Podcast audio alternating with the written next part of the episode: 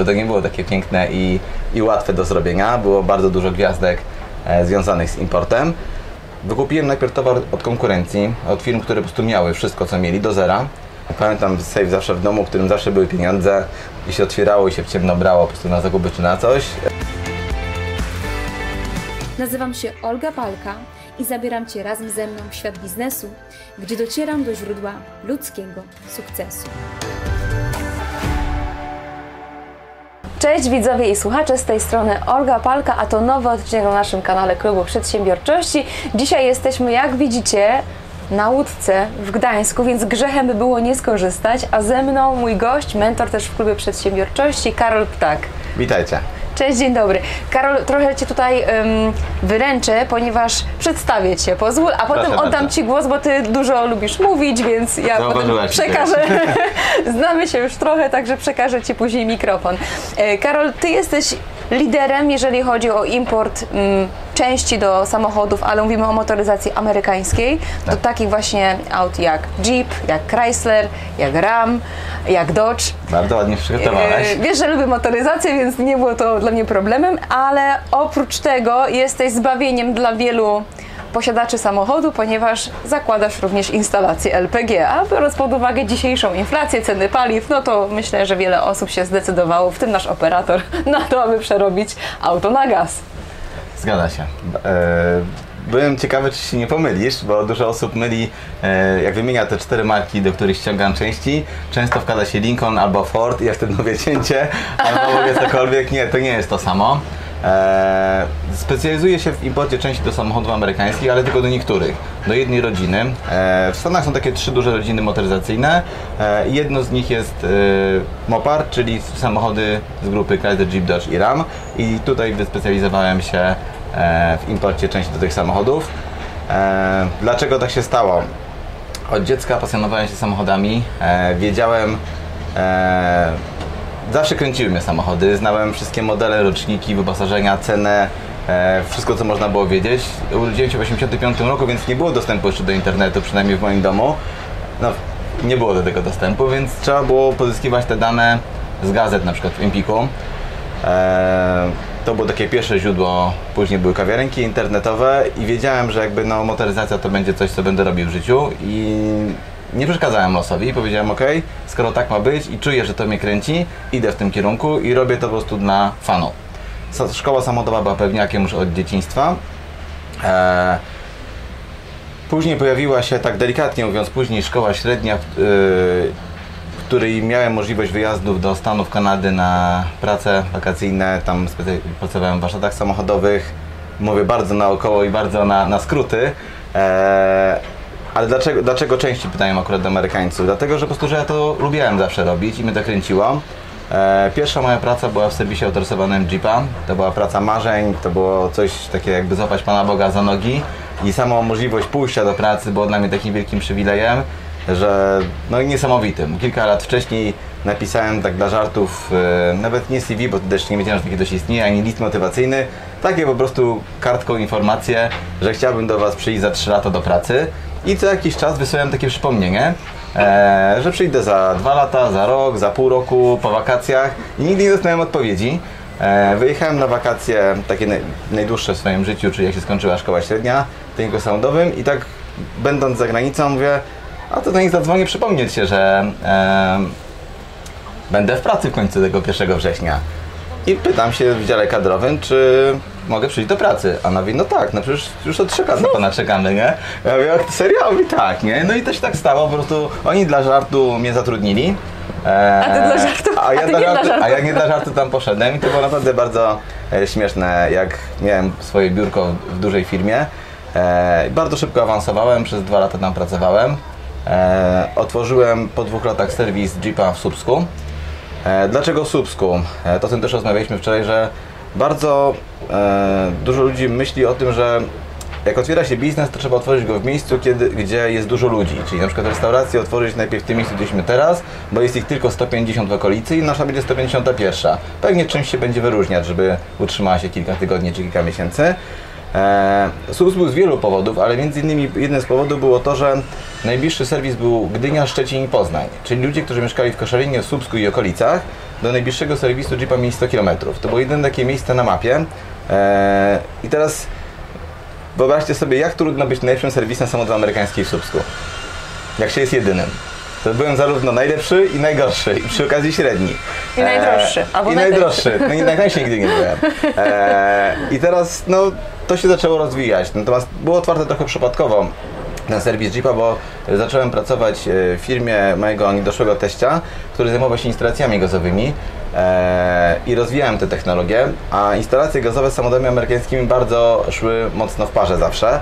E, jak to wyglądało? Czyli jak ludzie się dowiedzieli z Dyni, że przestałem pracować w tym serwisie, to mieli do mnie telefon i mówili, słuchaj, to my w takim razie wolimy zostawić Tobie samochód, Ty go zawieź sobie do Gdyni, dołóż sobie coś, byśmy, my chcemy Tobie go zostawić, mamy do Ciebie zaufanie i my chcemy, żeby, żebyśmy, żebyś go nam obsłużył w taki sposób, jak robiłeś to przez ostatnie dwa lata, bo do Ciebie mamy zaufanie jako doradcy serwisowego kogoś na front desku i chcemy mieć taki standard obsługi jak zawsze. No i takich osób zaczęło się pojawiać kilkanaście, kilkadziesiąt. E, w bardzo szybkim czasie z niewiadomego mi powodu, znaczy wiadomego, no przykładałem się do pracy, natomiast to było ponad 100 klientów. Praktycznie od razu powiedzieli, że oni chcą mnie te samochody naprawiać i to, że ja robię instalację gazową, to mogę sobie robić, im to nie przeszkadza, ale w pierwszej kolejności mam zająć się ich samochodami. E, robiłem wszystko zawsze na oryginalnych częściach, których często brakowało.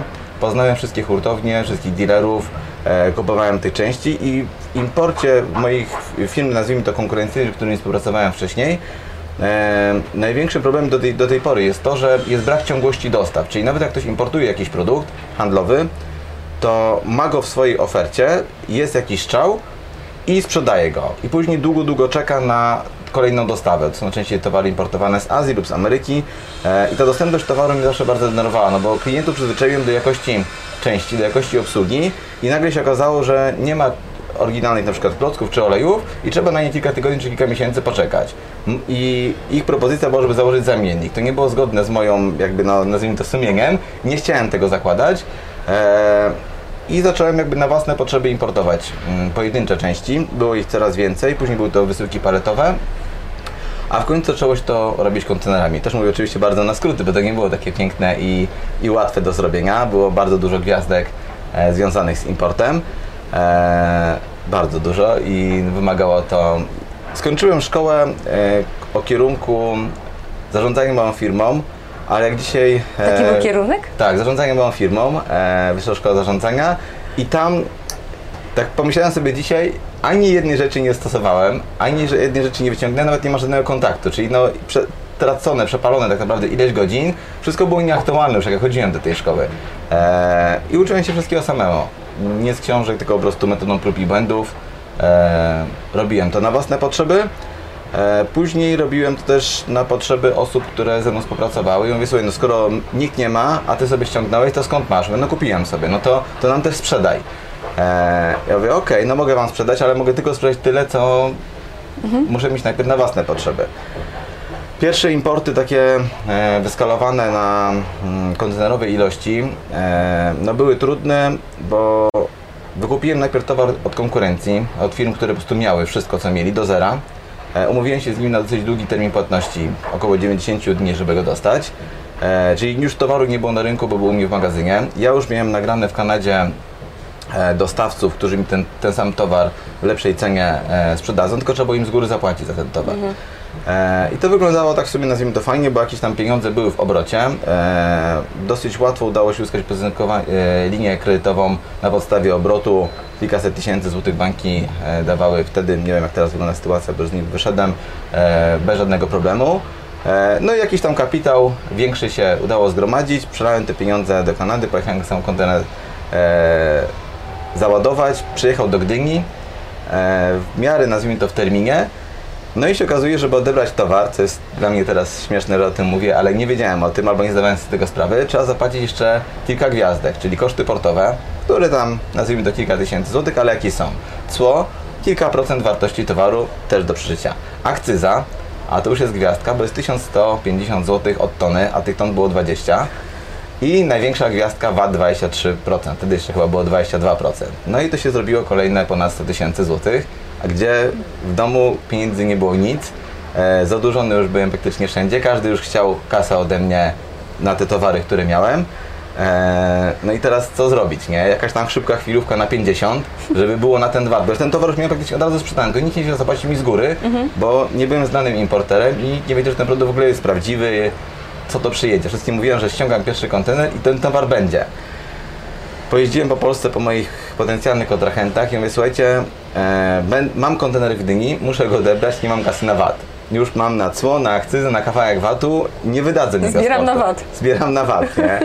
E, no jedna, druga, trzecia, czwarta wycieczka, pukam do jednych, czwartych drzwi potencjalnych klientów i już taka ostatnia miejscowość koło Krakowa, zajeżdżam do znajomego z Olkusza, mówię, Rysiek, jeszcze wtedy byliśmy na, na PAN, e, Panie Ryszardzie, tutaj e, no niezmiernie przydałoby mi się 50 tysięcy, co to pierwszy raz człowieka widzę, a on do mnie mówi, "A nie mogłeś mi wysłać SMS-a, chciał Ci jechać z Słupska wtedy jeszcze, żeby... No spoko, nie? I on tak, nie pamiętam czy z kieszeni, czy skądś mówi, dobra. I odebrałem ten kontener, sprzedałem go praktycznie momentalnie, marża na tym była dosyć wysoka. E, no i ten towar pierwszy był najtrudniejszy. Natomiast no dużo się jakby na, na nim nauczyłem. E, tych kontenerów było już dziesiątki e, sprowadzonych, każdym jest jakaś niespodzianka, natomiast na imporcie jest e, ciekawie. Na początki są ciekawe. Natomiast dzisiaj usłyszałem fajne zdanie, które podsumowało jakby moją poprzednią e, poprzedni sposób myślenia, że to była bezmyśl, bezmyślność. I dzięki bezmyślności e, robiłem rzeczy, które wydawały się mało logiczne, ale ja nie zastanawiałem się nad tym. Nie miałem, tak dużo pracowałem, że nie miałem czasu o tym myśleć, czy to ma sens, czy nie. Po prostu to robiłem. To pewnie jest jedna e, z zasług e, tego, Tego miejsca, w którym tak, jesteś. jestem. Ale y, nie chciałam Ci przerywać, natomiast dopytam o tego Ryszarda. Tak. Jak to gościu, który Cię po raz pierwszy w życiu widzi, wyciąga Ci kasę na stół? On taki jest po prostu, nie? To po prostu- ja proszę namiary. Tak, tak, tak nie ma akurat na takiego i to mm, no, do tej pory trzymujemy bardzo dobre kontakty, jest moim jednym z najlepszych klientów w Polsce i e, dużo mu zawdzięczam, bo nie wiem jak to by się skończyło. No wtedy już żaden bank, nawet takich, nie miałem totalnie żadnych pieniędzy wtedy, nie? Wypłaty nieupłacone, bardzo duże koszty stałe miałem, dużo pracowników już wtedy, e, dużo było stałych kosztów już takich, takich sytuacji, których awaryjne, e, ale to bardzo fajna, fajna sprawa, fajnie coś takiego przeżyć.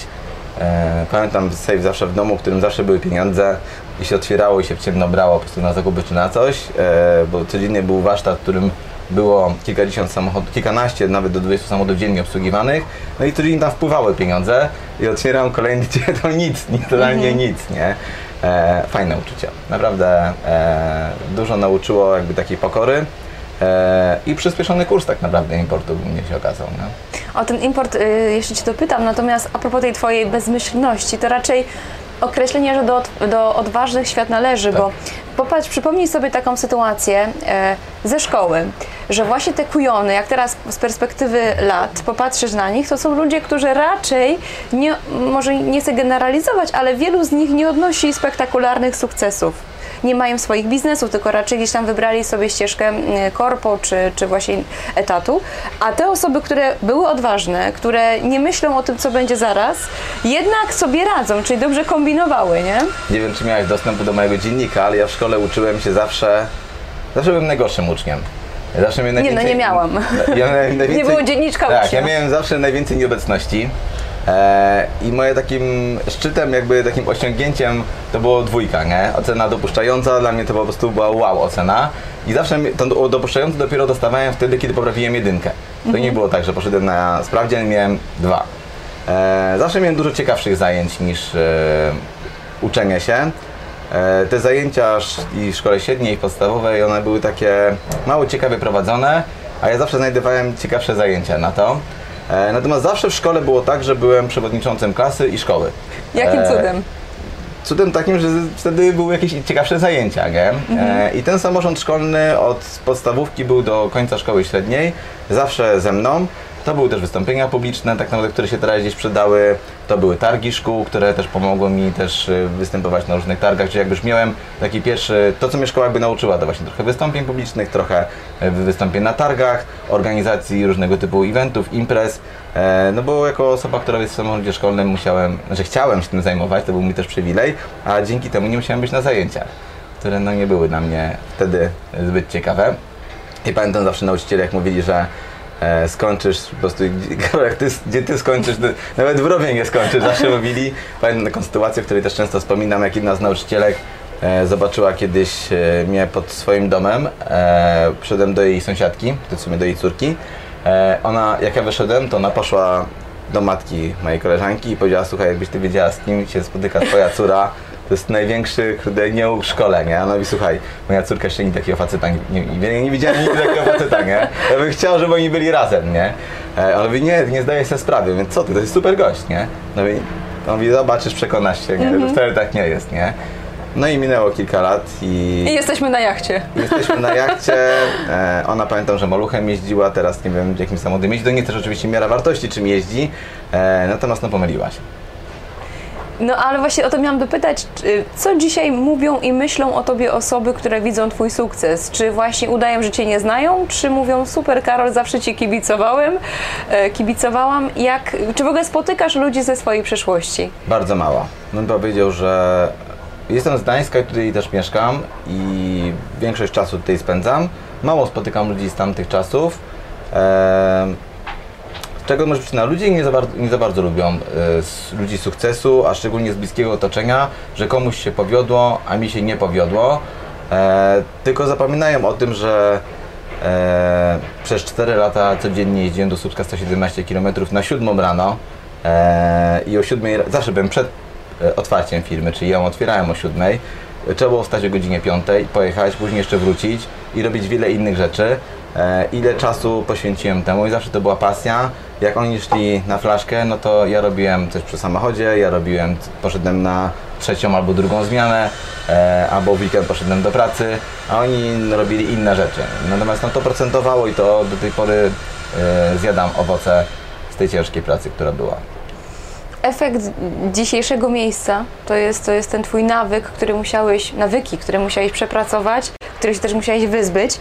I o to też chciałam Cię zapytać, bo y, No, przepracowałeś y, bardzo dużo, bo chociażby y, Twoja aparycja dzisiejsza to też jest wynik tej ciężkiej pracy. Jakbyś powiedział trochę od tej strony, jak to, bo zawsze się mówi, że przedsiębiorca to wiesz, to różnie z tym zdrowiem, bo się tak odżywia, bo nie dosypia, bo się dużo stresuje i Ty też przez tą drogę przeszedłeś, więc jak, jak byś powiedział, jak to wyglądało? Ja zawsze miałem problem z wagą. Eee, on był u mnie od dzieciństwa. Pamiętam, że waga to była taka rzecz, która zawsze się wstydziłem. Na plażę nigdy nie chodziłem, bo tam wszyscy się rozbierali. Ja chodziłem w płaszczu, w glanach, żeby po prostu mi nie było widać, jak się roz- rozbiorę. I miałem z tym kompleks duży. Eee, jakiś taki okres szkoły średniej, że było tak, że jeszcze w miarę siebie jakby tolerowałem, natomiast zawsze to było wiele kilogramów e, za dużo. E, problemy z sterą i wiele innych rzeczy, które, które mi towarzyszyły i przeszkadzało mi to bardzo. Natomiast nie znalazłem, nie wiedziałem jakie może być na to rozwiązanie. Dużo ludzi mówiło, że trzeba się dobrze odżywiać, nie? No ale co to znaczy dobrze się odżywiać, nie? Dla każdego, teraz mając y, swoją e, wiedzę, którą jakby posiadam, to wiem, że to jest dla każdego może być to co innego, albo co innego może być złe. E, więc jeżeli widziałem, że chcę zmienić wagę, to poszedłem na siłownię, kupiłem sobie roczny karnet, później wziąłem jednego, drugiego, trzeciego trenera personalnego. E, jak już mieszkałem w Gdańsku i zawsze zaczynałem pracę o 7 rano, no to chciałem trenować przed pracą, czyli najlepiej o 5 rano, więc znalazłem trenerów, którzy chodzili o 5 rano i ze mną trenowali przez godzinę, dwie. E, jakieś tam skutki były takie, nazwijmy to do 10 kg zrzucałem, natomiast i różnego typu diety pudełkowe, to było tak maks dycha. Natomiast no, przy wadze około 100 kg i 1,72 m wzrostu, to nie był zadowalający wynik. E, I spotkałem się e, z taką chyba trzecią albo czwartą trenerką, która powiedziała, że ona, e, ona mi rzuci dychę i zapłacę jej dopiero jak rzucę tą dychę. Ja wtedy miałem mieć około 90 paru kilogramów. E, ja mówię, jak, jak nie rzucę dychy? Ja mówię, no to nie będę miała kasy, ale wiem jak to zrobić, żebyś, żebyś pozbył się 10 kg szybko. Tylko musisz mnie słuchać, nie? A więc spoko, nie? A mówię, ale jestem taka jędza, że będę po Ciebie przyjeżdżała, dzwoniła, rzucała kamieniami w szybę, wstaniesz zawsze, codziennie, nie? I była taka umowa, co mi to mi pasowało, co mi też nawet rzuciłem, że każdego dnia bez wyjątku. Czyli nie ma tam sobota, niedziela, wyjechałem i tak dalej, możemy to zrobić w dowolny sposób. No to spoko, pasuje mi to. A mówię, pierwsza sprawa, to idziesz na badania krwi, takie rozszerzone, to się nazywa test nietolerancji pokarmowej oraz alergia, kosztuje około 1,5 tysiąca złotych, plus warto zrobić za podobną kwotę test alergiczny i jeszcze jakieś badania rozszerzone. Dasz mi te badania, a ja Ci powiem dopiero później, co będziemy z tym robić. E, a przy okazji mówi, dobra, a teraz codziennie będziesz biegał. Tyle, co dasz radę, byle byś biegał e, bez przerwy. Jak to będzie 10 metrów, to 10 metrów, jak 100 metrów, 100 metrów, ale pisz mi codziennie, ile metrów przebiegłeś. Ale tak rzetelnie, nie? Przebiegłeś 100 metrów, napisz stówę, nie? I wróciłeś do domu spacerem. Mówię, okej. No i okazało się, że w moim przypadku mam przekroczoną o kilkaset, e, pro, kilkaset razy nietolerancję na białko kurze i na e, Drożdże. drożdże. Tak, czyli to, co się jadło zawsze w dzieciństwie. Jajecznica z chlebkiem. E, jak się szło na siłownię, to trener mówi, słuchaj, rano sobie zjeść jajko gotowane, jedno albo dwa. No ja to oczywiście robiłem i mój organizm przez całe moje życie walczył z trucizną, którą miał i on wyrzucał tą truciznę na różne sposoby, czy trądzik, czy tam granie, czy problemy ze spaniem, e, przeróżne rzeczy. I ja 30 parę lat jadłem trutkę dla, dla mnie, a i drożdże są jeszcze bardziej, czyli one są w różnych produktach, między innymi w chlebie. E, I wystarczyło tak naprawdę odstawić te dwa produkty i życie zmieniło się może nie o 180 stopni wtedy jeszcze, ale zmieniło się już o 90 stopni. Ja wiedziałem, że można pójść spać i zasnąć i przespać całą noc. E, Co było dla mnie dziwne, że można yy, myśleć inaczej, czyli umysł może być bardziej świeży. E, Że faktycznie ta waga zrzucana jest, obojętnie czy jest jakby aktywność fizyczna czy nie, ale ona zaczyna spadać, bo zaczyna organizm e, prawidłowo funkcjonować. Wiele innych czynników do tego jeszcze się do- dosłużyło, jeżeli chodzi o tą wagę. Później było bieganie, które jakby no stało się moim nawykiem. Postanowiłem sobie biegać każdego dnia. To było niecałe dwa lata temu. Eee, wstawałem rano i biegłem. Pamiętam, że pierwsze takie moje rekordy to było przebiegnięcie się od mieszkania e, Sandry do plaży w Brzeźnie. To był dla mnie... Jaki to dystans? Ona mieszkała bardzo daleko od plaży, 800 Okej. metrów. Po prostu dla mnie, ja. Miał 800 metrów do morza. I mówię, no nie dam rady, nie? Ale mówię, okej. I to był taki cel, mówię, spoko, przecież no na spacer pójdę, wrócę jest okej, no to da rady przebiec, nie? No i pamiętam, za któregoś dnia dobiegłem do plaży, później już wróciłem, można mieć prawie, że na czworaka. E, a później było tak, że jakby ten dystans e, to było 800 metrów plus tam do mola, plus tam kawałeczek bliżej, później było już tam z powrotem, jak już osiągnąłem 1200 metrów, co było takie mało realne dla mnie, ale no nawyk każdego dnia robił krok dalej, krok dalej, krok dalej, taką metodą jakby Kaizen, jakby usprawniałem to, e, czyli głodny, e, wstawałem rano do okolic tak gdzieś 6 i biegłem. E, I to tak naprawdę każdego dnia był większy, większy postęp i każdego dnia się ważę też w sumie od, przeszło 3 lat i widziałem też te postępy na wady, czyli jedzenie plus bieganie. E, no i oprócz tego, że wyłączyłem e, białko i drożdże, to bardzo mocno ograniczyłem alkohol i słodyczy, można powiedzieć, się oduczyłem do zera. Tak naprawdę one mogłyby dla mnie nie istnieć, podjadałem sobie często, e, bo to była taka szybka używka na spadek energetyczny. Jak się jest bardziej otyłem, ma się dużą nadwagę, to są mocne piknięcia cukru i łatwo, jak się jest zmęczonym, się wydaje, że jest się śpiącym, a to nie jest się zmęczony, tylko po prostu spada cukier i się prawie że mdli. E, no to cukier jest taki typ, nie wiem, jakiś wafelek, coś tego typu jest super rozwiązaniem, znaczy dla mnie było wtedy super rozwiązaniem. E, I podbijało mnie ten, więc tego też się jakby oduczyłem. E, później była piosenka, nie? Akurat wybrałem sobie piosenkę, która chyba z 5 minut, żeby ją przebiec. Bardzo trudne, ale po co w ogóle mówię o tym, o, o, tym, o tym bieganiu, bo to jest nawyk. Jak jeździłem do Słupska każdego dnia przez 4 lata, to ja się nie zastanawiałem, czy to jest daleko, czy blisko. Po prostu wstawałem, wsiadałem do samochodu i jechałem. I te nawyki, które powtórzymy wielokrotnie, oczywiście dobrze jakby to były dobre nawyki, e, niż wypicie flaszki co wieczór to też może być nawyk, e, to, to one nas powodują, że y, jak mamy jakiś cel tego, jakby tego nawyku, w którą stronę idziemy i mamy konsekwencje, to wypracujemy sobie to i ta wytrwałość i konsekwencja spowoduje, że osiągniemy ten cel. I obojętnie jaki cel by nie był, to, to jest tylko kwestia czasu, żeby go osiągnąć. E, rzeczy dzielą się tak naprawdę na te, które są łatwe i łatwe po czasie. E, I teraz no, przebiegnięcie dla mnie teraz 10 km, e, no to to jest, mógłbym teraz powiedz po prostu wrócić do Ale z biznesem jest tak samo. Tak, Uczyłeś no, się na tym kierunku mał, małej firmy, tak? Prowadzenie Tak. małej firmy. No też tak, to się ograniczył mocno. tak, Myślałem z ten od- kierunek od razu. Tylko małą Tak, firmę będziesz prowadził. Ale później uczysz na bazie małej firmy, w sensie rozwijając, skalując ją, uczysz się prowadzić dużą. Mm, A propos nawyków, to tak tylko też...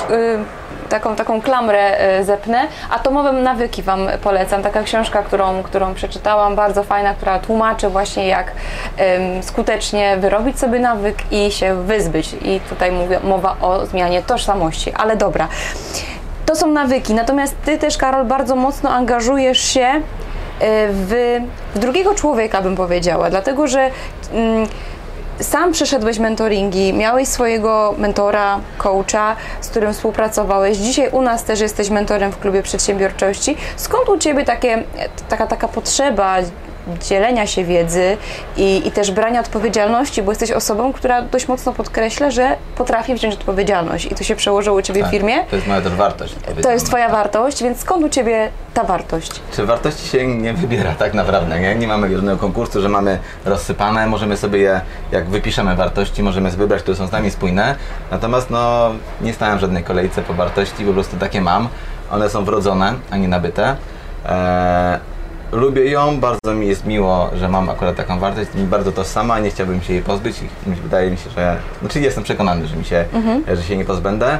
Dlaczego lubię pomagać teraz ludziom? E, Kiedyś robi- robiłem to w ten sposób, że pomagałem wszystkim i chciałem zbawić cały świat. Zrozumiałem, że granie energię, którą mam, jest za mała, żeby móc każdemu pomóc i doradzić jemu, jakie rozwiązanie dla niego jest dobre, a miałem zawsze szczere intencje. E, Teraz jest tak, że doradzam ludziom, którzy chcą e, mojej pomocy i słuchają jej. Nawet nie, to jest moje, mój punkt widzenia e, mój sposób, dzięki któremu e, osiągnąłem wiele sukcesów. E, mówisz tutaj o, o pomaganiu. Właśnie pomaganiem jest tak, że ja sam nie miałem żadnych, e, żadnej osoby, która mi pomagała. Sytuacja się zmieniła między dwa lata temu, ale generalnie przez całe życie byłem sam. E, sam prowadziłem działalność, nie miałem żadnego mentora, żadnej szkoły. Meta, którą skończyłem totalnie jakby nic jakby nie dało. Nie czytałem żadnych książek, nie oglądałem YouTube'a, kanałów biznesowych i tak. I to co robiłem, to robiłem intuicyjnie. Pierwsze moje takie spotkanie z takim doradcą biznesowym e, Pam- Pamiętam bardzo dobrze. E, to było akurat w czasie lockdownu, gdzie nie można było się nawet spotkać, więc siedzieliśmy w samochodzie.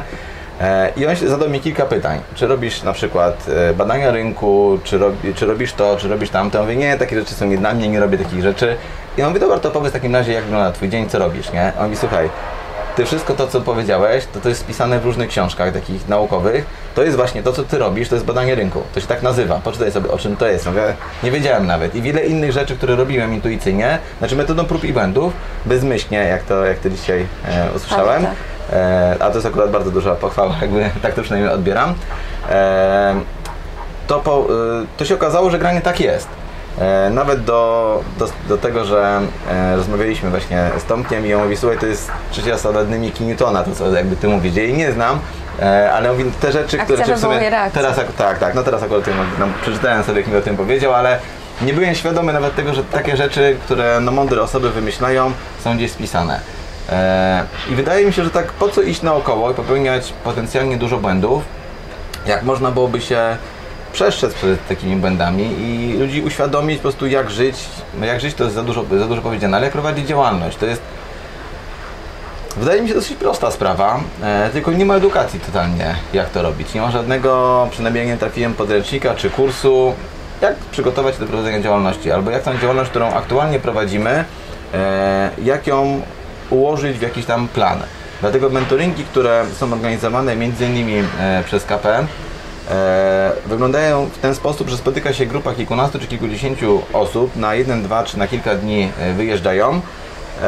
Na co naprawdę wszystkich namawiam i polecam.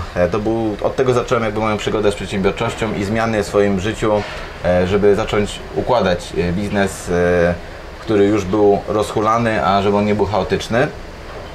Mentoring, czyli to jest grupa przedsiębiorców, która spotyka się e, w celu dowiedzenia się, co robię źle albo co robić y, inaczej. Są mentorzy, którzy y, pilnują czasu, pomagają, podpowiadają. E, I teraz najlepszą wiedzę, którą możemy dostać, to jest osoby, która przeżywa to. Przyjeżdżają osoby, które mają banalnie dla nas, e, jak będąc wiele razy uczestnikiem, e, nawet nie śmieszne, bo się nikt z tego jakby nie śmieje, e, takie dziwne pytania, czyli na przykład, nie wiem, jaki rodzaj zatrudnić pracownika, jakie umowy zrobić, jak zwolnić kogoś, jak, nie wiem, pozyskać wspólnika, czy jak zdobyć finansowanie, jak, to są banalnie, czasami banalne pytania, które są dla niektórych ogromnymi problemami, a w takiej grupie, gdzie jest kilkanaście czy kilkadziesiąt osób, prawie pewne jest to, że ktoś miał ten sam problem, bo przedsiębiorcy mają bardzo podobne, zbliżone do siebie problemy. One inaczej są, e, inaczej są rozwiązywane, natomiast na wiele problemów są gotowe narzędzia rozwiązania. Jeżeli nam ktoś powie, słuchaj, Ja miałem podobną sytuację jak ty. Ja zastosowałem taką i taką technikę, taką i taką metodę i ona mi była skuteczna. Ktoś się włączy, miałem to samo, też tak zrobiłem, było fajnie. Zrobiłem inaczej, nie było fajnie, później zrobiłem tak. Jak usłyszymy to od kilku osób, które realnie są przedsiębiorcami i oni sami mają te problemy, a nie od kogoś, kto nigdy nie prowadził firmy, ale wykłada na uniwersytecie, czy ma kanał e, w internecie i przeczytał wiele książek, jak prowadzić firmę, natomiast sam nie prowadził żadnej, no to mamy do niego małe zaufanie. Od przedsiębiorcy mamy nawet słabego, mamy dużo większe e, zaufanie, no bo on to przeżywa, on to wie jak to zrobić.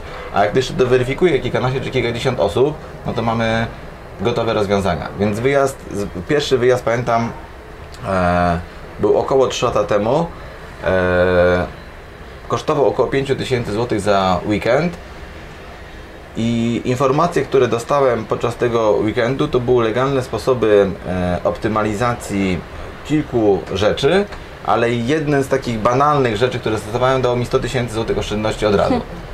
Także stopa zwrotu z mentoringu jest ogromna, nawet przy, przy każdym biznesie. Powiem tak, no i nie ma możliwości, żeby jakiś mentoring nie dał, obojętnie ile on by nie kosztował, i przyjedzie tam kilkunastu przedsiębiorców, to gwarantuję każdemu, że będzie miał stopę zwrotu kilkukrotną lub kilkudziesięciokrotną, jak w moim przypadku. Karol, Tu y, mówię o legalnych metodach. y, nie? Właśnie o To jest legalnych. jeszcze istotne. nie? Chociaż w kuluarach się różne tematy tak, porusza. ale tutaj mówiłem akurat o bardzo takich Y, Tutaj, Karol, y, wrócę do, do jednej rzeczy, bo mówisz, że słuchałeś zawsze intuicji, bo ty wcześniej nie czytałeś książek, nie oglądałeś YouTube'a i tak dalej. Słuchałeś tej intuicji. Dlaczego według ciebie ludzie nie słuchają intuicji? Dlaczego nie słuchają sami siebie? nie słuchają sami siebie. Kilka może być powodów. Jedno może być tak, że mają jakichś doradców, ludzi nieodpowiednich koło siebie, czyli na przykład pracowników, wspólników, którzy ich hamują e, i nie pozwalają mi się rozwinąć. Ja takiego wspólnika nigdy nie miałem, jak mi nikt nie miał kto zahamować. E, zawsze koło siebie miałem, e, znaczy jakby słuchałem siebie, który mówiłem, e, to jest moje takie zdanie, które, mój taki cytat, dlaczego miałoby się nie udać? Nie wiedziałem dlaczego ma się nie udać. I zawsze dużo osób mówiło mi w szkole, czy rodzice, czy, czy inne osoby, że e, czy społeczeństwo w ogóle, bo jestem z 85 roku, nie dotknąłem tego ustroju, który, e, który się kończył, jak miałem 4 lata, ale przebywam z ludźmi, którzy żyli w, w tamtych czasach i dowiedziałem się, pytając e, osoby starsze, dlaczego ludzie starsi blokują młodsze osoby przed rozwojem i mówią, że nie otwieraj tego biznesu, nie rób tego, nie rób tego.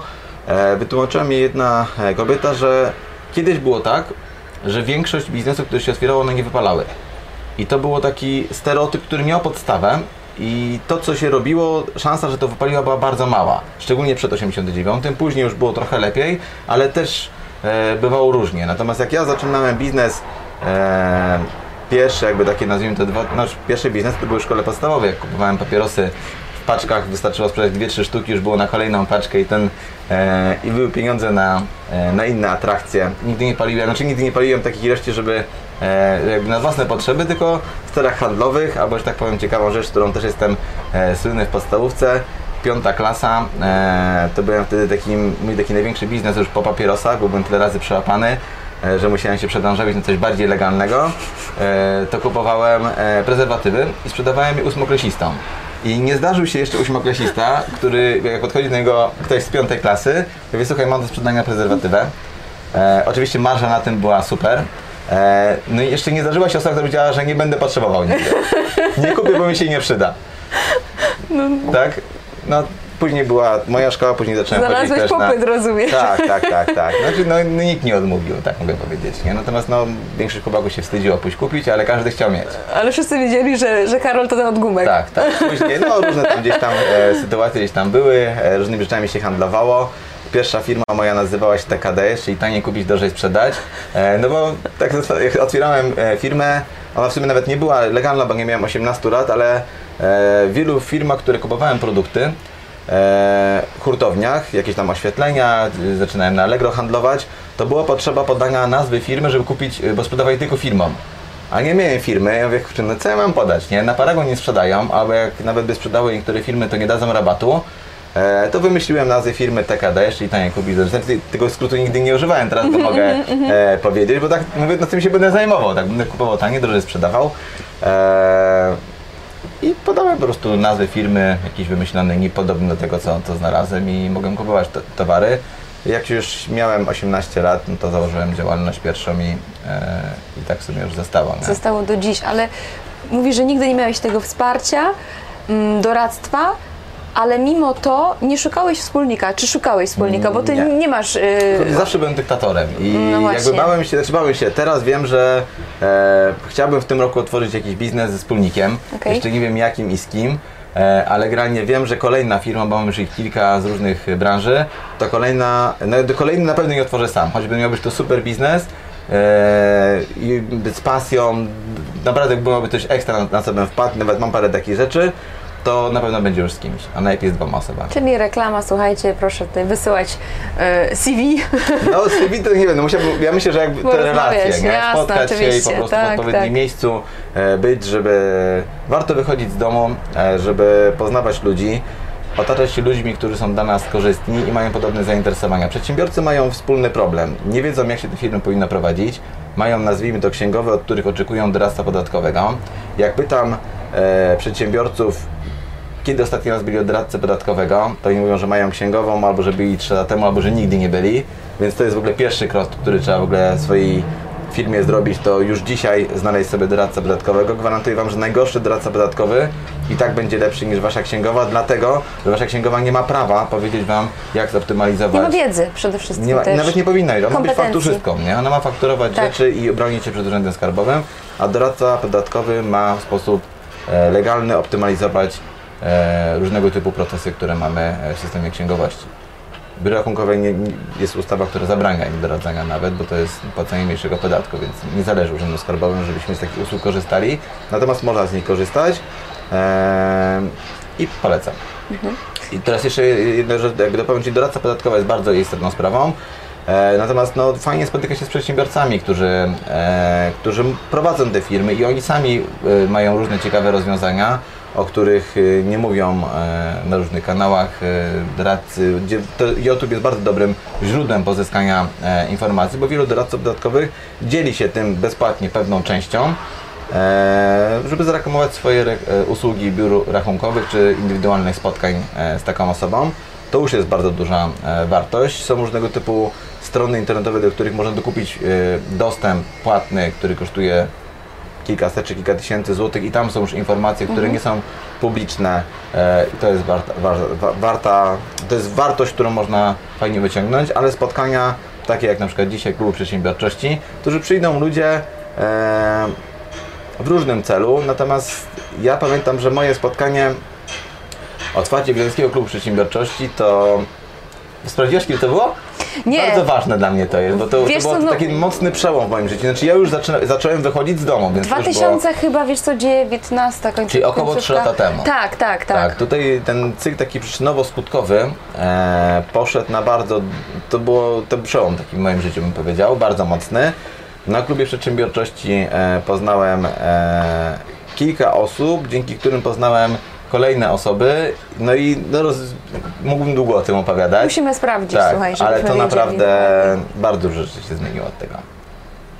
To tak już y, kończąc pomalutku, to chciałam się zapytać o to miejsce, w którym jesteśmy, no bo warto spełniać marzenia. Jacek Walkiewicz mówił, że kupił kampera, prawda? wie, jak to jest. Wie jak to jest. Ty też, y, to już jest twój piąty?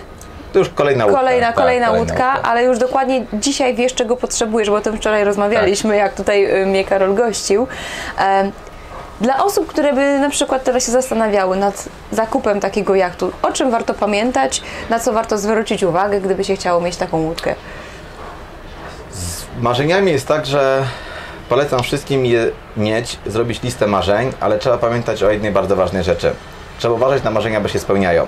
I wtedy, co wtedy? No właśnie. E, wiele miałem takich marzeń, które e, spełniłem i one były i tak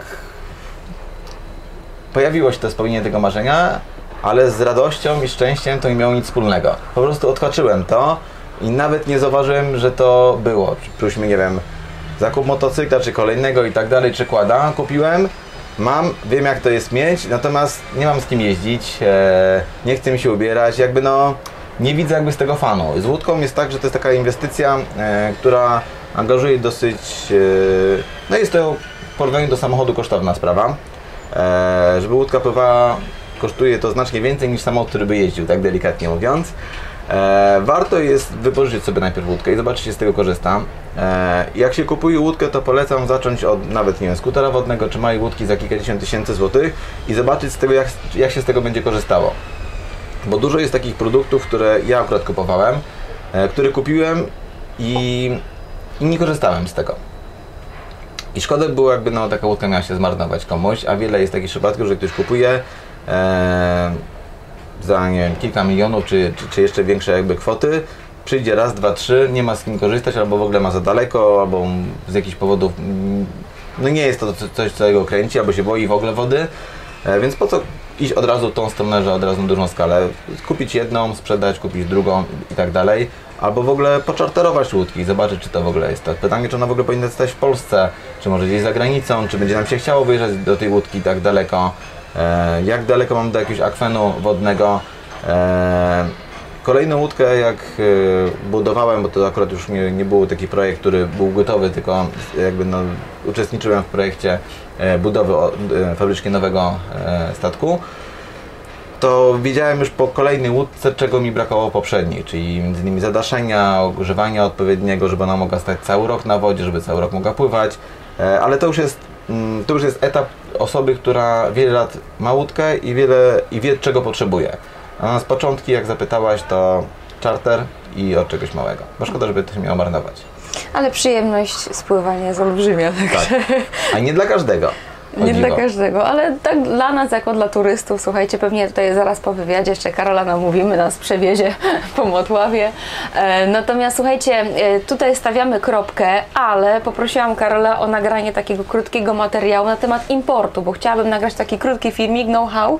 No tutaj nie chciałam za bardzo wchodzić w te szczegóły, ale żeby Karol przedstawił dokładnie na co warto zwrócić uwagę, jak importować towary, no i też gdzie szukać kontaktów międzynarodowych, więc wyczekujcie e, kolejnego takiego wideo, pigułka wiedzy na temat importu. A tymczasem dzięki wielkie Karol i do Dziękuję. zobaczenia w kolejnym odcinku. Pamiętajcie o naszej księgarni, o spotkaniach Klubu Przedsiębiorczości, wszystko na naszej stronie www w zakładce wydarzenia, także do zobaczenia. Trzymajcie się, hej! Dziękuję bardzo.